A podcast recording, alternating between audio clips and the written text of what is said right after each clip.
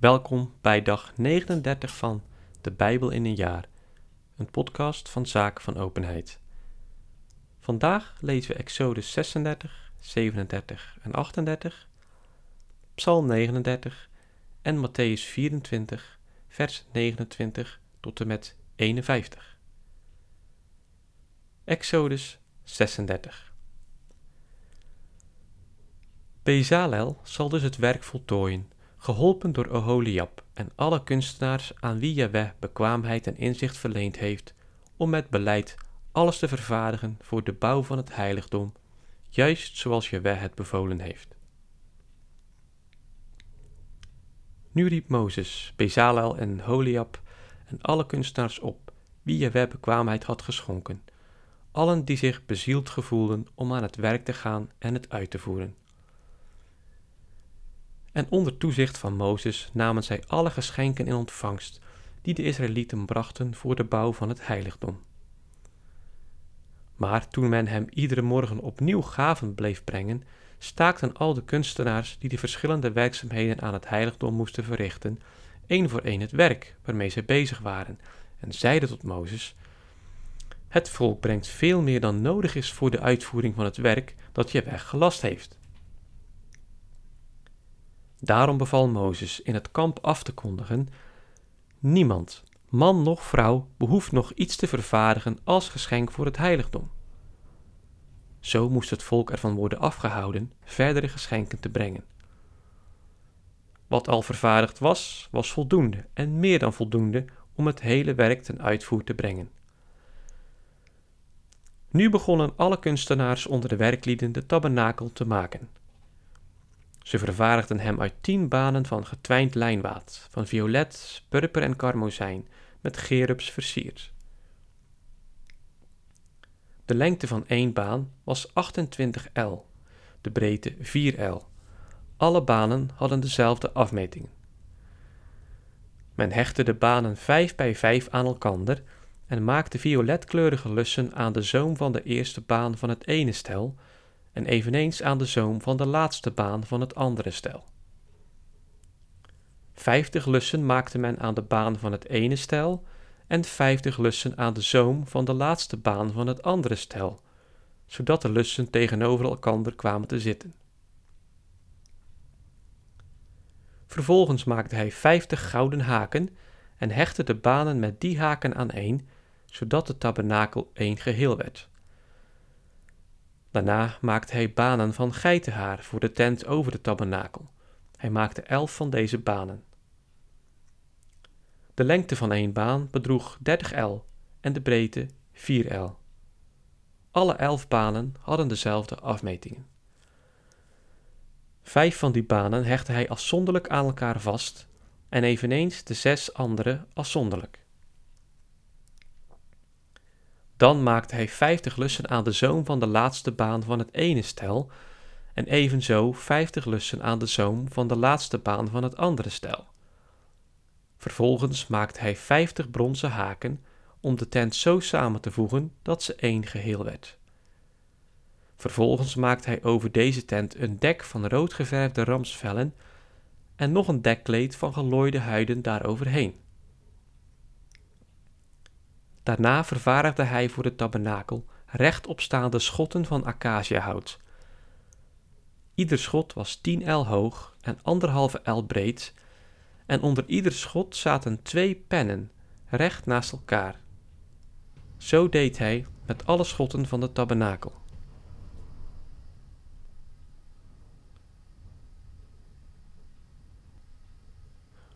Voor de zuidkant van het tabernakel maakte hij twintig schotten en onder die twintig schotten maakt hij veertig zilveren voetstukken, zodat er zich telkens twee onder ieder schot bevonden voor de beide pennen.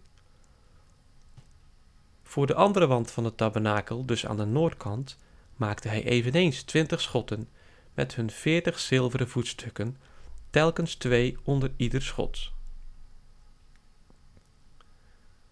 Voor de achterkant van het tabernakel, dus in het westen, maakte hij zes schotten boven voor de beide hoeken van de achterwand van de tabernakel twee schotten, die van onderen in elkander grepen, en evenzo van boven bij de eerste kram. Zo deed hij voor die twee, daar zij beiden de hoekstukken vormden. Er waren dus acht schotten met hun zestien zilveren voetstukken, telkens twee voetstukken onder ieder schot. Vervolgens maakte hij bindlatten van acaciahout, vijf voor de schotten van de ene zijwand van de tabernakel en vijf voor de schotten van de andere zijwand van de tabernakel, en ook vijf voor de schotten aan de achterwand van de tabernakel in het westen. De middelste bindlat maakte hij zo dat zij midden over de schotten liep, van het ene einde tot het andere. De schotten bekleedde hij met goud, de krammen waarin de bindlatten rusten maakte hij van goud, de bindlatten zelf overtrok hij weer met goud. Daarna maakte hij het voorhangsel van violet, purper, karmozijn en getwijnd lijnwaad, met gerubs versierd. Hij maakte daarvoor vier palen van acaciahout, die hij met goud besloeg, met gouden ringen eraan, en goot er vier zilveren voetstukken voor. Ten slotte vervaardigde hij voor de ingang van de tent een tapijt van violet, purper, karmozijn en getwijnd lijnvaat, met borduurwerk versierd. Daarbij de vijf palen met hun ringen. De koppen en banden der palen overtrok hij met goud terwijl de vijf voetstukken van brons waren. Exodus 37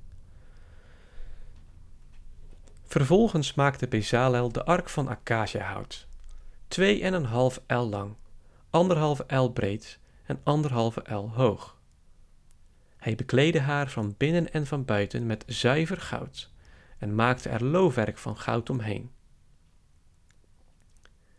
Hij goot er vier gouden krammen voor, bovenaan de vier poten, twee krammen dus aan iedere kant. Hij maakte handbomen van acaciahout, die hij met goud besloeg.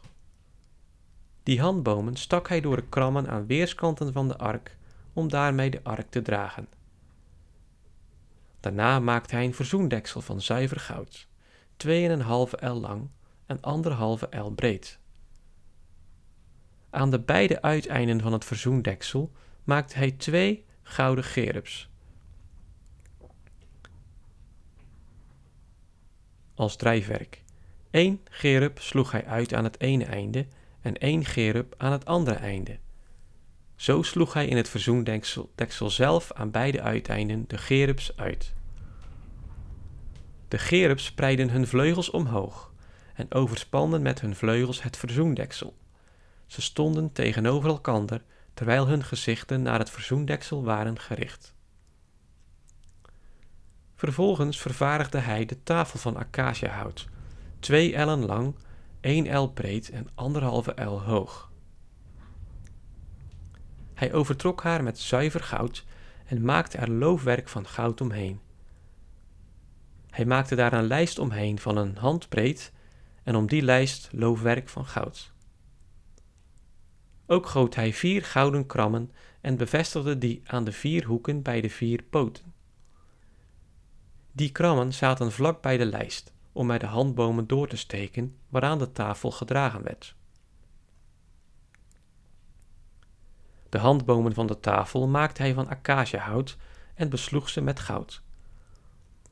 Bovendien maakte hij het vaatwerk dat bij de tafel behoort de schotels, kannen, schalen en bekers waarmee men de plengoffers brengt, van zuiver goud. Daarna maakte hij de kandelaar van zuiver goud. Hij vervaardigde de kandelaar als drijfwerk. Zijn voetstuk, schacht, zijn bloemkelken, knoppen en bloesems uit één stuk. Zes armen staken terzijde uit, drie armen aan de ene kant van de kandelaar en drie armen aan de andere kant. Aan iedere arm zaten drie bloemkelken in de vorm van amandelbloesem, knoppen en bloesems, dus aan de zes armen die uit de kandelaar staken, op dezelfde manier. Aan de kandelaar zelf zaten vier bloemkelken in de vorm van amandelbloesem, knoppen en bloesems. Onder de drie paar armen zat telkens een knop, waar de zes armen uit de kandelaar schoten. De knoppen en armen waren met de kandelaar uit één stuk het geheel één stuk drijfwerk van zuiver goud. Bovendien maakte hij de zeven lampen die erbij horen met de snuiters en bakjes van zuiver goud. Hij gebruikte voor het vervaardigen van de kandelaar en alles wat erbij hoort één talent zuiver goud. Vervolgens maakte hij het reukofferaltaar van acaciahout, één el lang en één el breed, dus vierkant, en twee ellen hoog. De hoornen maakten er één geheel mee uit. Hij overtrok het met zuiver goud, zowel het bovenvlak als alle zijkanten en de hoornen, en maakte er loofwerk van goud omheen. Onder dat loofwerk bracht hij aan weerskanten twee gouden krammen aan, die moesten dienen voor de handbomen waarmee het gedragen werd. De handbomen maakte hij van acaciahout en besloeg ze met goud. Nog bereidde hij de heilige zalfolie en de wierook van zuivere specerijen, volgens de regels der kunst gemengd. Exodus 38 Vervolgens maakte hij het brandofferaltaar van acaciahout, vijf ellen lang en vijf ellen breed, dus vierkant, en drie ellen hoog.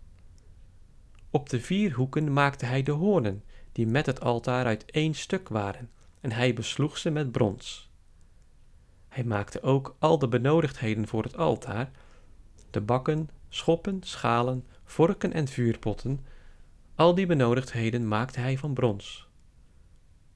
Hij maakte aan het altaar een netvormig rasterwerk van brons, beneden onder het raam tot halver hoogte.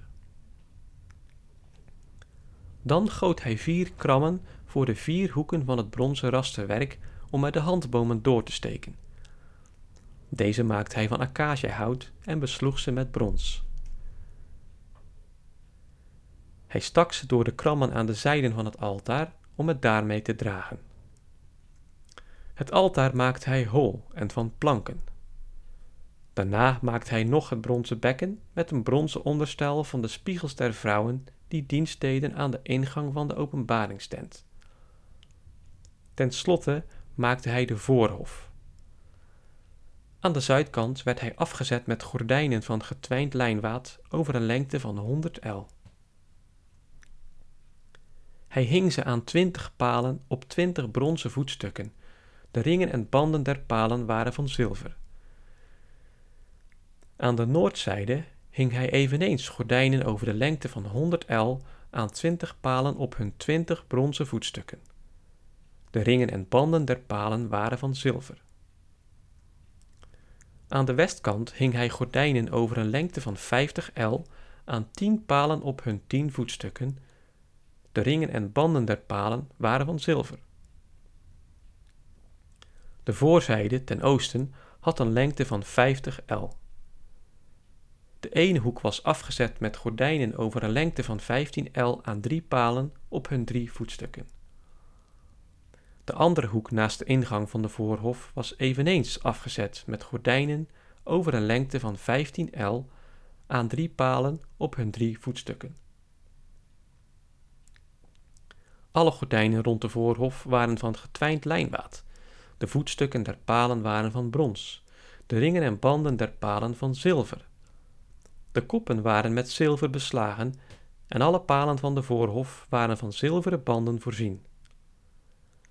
Het tapijt voor de ingang van de voorhof was een kunstig weefsel van violet, purper, karmozijn en getwijnd lijnwaad, twintig el lang en vijf el hoog of breed, evenals de gordijnen van de voorhof. De vier palen met hun voetstukken waren van brons, de ringen, koppen en banden van zilver. Al de pinnen van het tabernakel en van de voorhof rondom waren van brons. Dit is de berekening der kosten van het tabernakel, de verbondstabernakel, die op bevel van Mozes door de Levieten onder leiding van Itamar, den zoon van priester Aaron, werd opgemaakt. Bezalel, de zoon van Uri, zoon van Goer, uit de stam van Juda, had alles vervaardigd wat Jahweh aan Mozes bevolen had. En Oholiab, de zoon van Achisamak, uit de stam van Dan, en de ambachtslieden, kunstenaars en wevers van violet, purper, karmozijn en lijnwaad, hadden hem terzijde gestaan. al het goud dat gebruikt werd voor de volledige afbouw van het heiligdom bestond uit goud dat vrijwillig bijeen was gebracht en bedroeg 29 talenten en 730 sikkels volgens het heilig gewicht. Het zilver dat de monstering van de gemeenschap had opgebracht bedroeg 100 talenten en 1775 sikkels volgens het heilig gewicht. Het had één beka per hoofd bedragen, de helft van de sikkel, volgens het heilige gewicht, voor iedereen die op de monsterrol was gekomen, dus voor iedereen man van de ouderdom van 20 jaar en daarboven. 603.550 man in het geheel. Deze honderd talenten zilver om de voetstukken van het heiligdom en van het voorhangsel te gieten, honderd talenten voor honderd voetstukken, dus per voetstuk één talent. Van de 1775 sikkels maakte hij de ringen voor de palen, besloeg hij hun koppen en maakte hij er banden omheen. Het brons dat vrijwillig bijeen was gebracht, bedroeg 70 talenten en 2400 sikkels. Daarvan maakte hij de voetstukken voor de ingang van de openbaringstent, het bronzen altaar, zijn bronzen rasterwerk en al de benodigdheden voor het altaar, bovendien de voetstukken van de voorhof rondom en de voetstukken voor de ingang van de voorhof, al de pinnen van het tabernakel en de pinnen van de voorhof rondom. Psalm 39 Voor muziekbegeleiding, voor Jedutun, een psalm van David. Ik had wel gezegd, goed wil ik op mijn woorden letten, om niet te zondigen met mijn tong, mijn mond beteugelen als de boze erbij staat. Ik zweeg, bleef sprakeloos en stom, hoe fel mijn smart ook mocht zijn. Maar nu kookt mijn hart in mijn boezem over, en als ik eraan denk, laait het vuur in mij op. Nu snik ik het uit.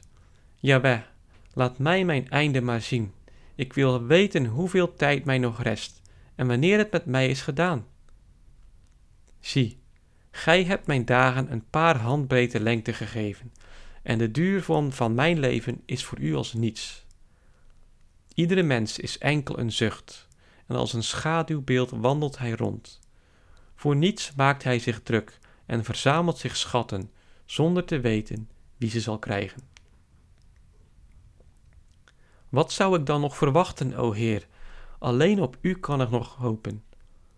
Verlos mij van al mijn zonden en maak mij niet tot spot voor een dwaas. Ik zwijg en doe mijn mond niet open, want Gij zelf deed het mij aan. Ach, neem uw plaag van mij weg, want ik bezwijk onder de druk van uw hand. Alleen om de zonde te straffen slaat gij de mens, verteert gij als de motten zijn glorie, en is iedere mens maar een zucht. Jawel, hoor mijn gebed en luister naar mijn smeken. Zwijg niet stil bij mijn tranen, want ik ben toch uw gast en bij u op bezoek als al mijn vaderen. Houd op, opdat ik nog vreugde mag hebben, eer ik heen ga en er niet meer zal zijn. Matthäus 24, vers 29 tot en met 51. En terstond na de kwelling dier dagen zal de zon worden verduisterd en de maan geen licht meer geven. De sterren zullen van de hemel vallen en de krachten der hemelen zullen worden geschokt. Dan zal het teken van de mensenzoon aan de hemel verschijnen. Dan zullen alle geslachten der aarde jammeren en de mensenzoon op de wolken des hemels zien komen met grote macht en majesteit. Dan zal hij zijn engelen zenden met luidschallende bazuinen, en ze zullen van de vier windstreken zijn uitverkorenen verzamelen, van het ene einde des hemels tot aan het andere. Leert van de vijgenboom deze gelijkenis. Wanneer zijn tak al zacht is geworden en de bladeren al ontspruiten, dan weet ge dat de zomer nabij is. Zo ook wanneer gij dit alles ziet, weet dan dat het dicht voor de deur staat. Voorwaar ik zeg u, dit geslacht gaat niet voorbij, eer dit alles is geschied. Hemel en aarde zullen voorbijgaan, maar mijn woorden zullen niet voorbijgaan. Maar van die dag en dat uur weet niemand iets af, zelfs de engelen in de hemel niet, maar de Vader alleen.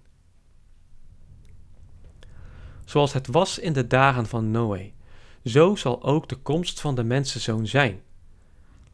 Zoals men toch in de dagen voor de zondvloed at en dronk, huwde en uithuwde, tot op de dag waarop Noé de ark binnenging. En zoals men er geen acht op sloeg, totdat de zondvloed kwam en allen verzwolg, zo zal ook de komst van de mensenzoon zijn. Dan zullen er twee zijn op de akker, de een wordt opgenomen, de ander achtergelaten. Twee zullen er met de handmolen malen, de een wordt opgenomen, de ander achtergelaten. Waakt dus, omdat gij niet weet op welke dag uw Heer zal komen. Dit weet gij wel. Zo een huisvader wist op welk uur de dief zou komen, dan zou hij zeker wakker blijven en niet laten inbreken in zijn huis. Wees ook gij dus bereid, want de mensenzoon komt op een onverwacht uur. Wie is nu de trouwe en voorzichtige knecht, dien de meester over zijn ondergeschikten heeft gesteld om hun spijs te geven ter rechter tijd? Gelukkig de knecht, dien de Heer bij zijn komst daarmee bezig zal vinden. Voorwaar, ik zeg u, hij zal hem stellen over heel zijn bezit. Maar zo die dienaar slecht is en denkt bij zichzelf: Mijn Heer komt nog lang niet, zo hij zijn medeknechten gaat slaan en met de dronkaards eet en drinkt, dan zal de Heer van die knecht komen op een dag waarop hij het niet verwacht, en op een uur dat hij niet kent. En hij zal hem in stukken houden en hem het lot der huigelaars doen delen. Daar zal geween zijn en gekners der tanden. Tot zover het woord van God. Deo gratias.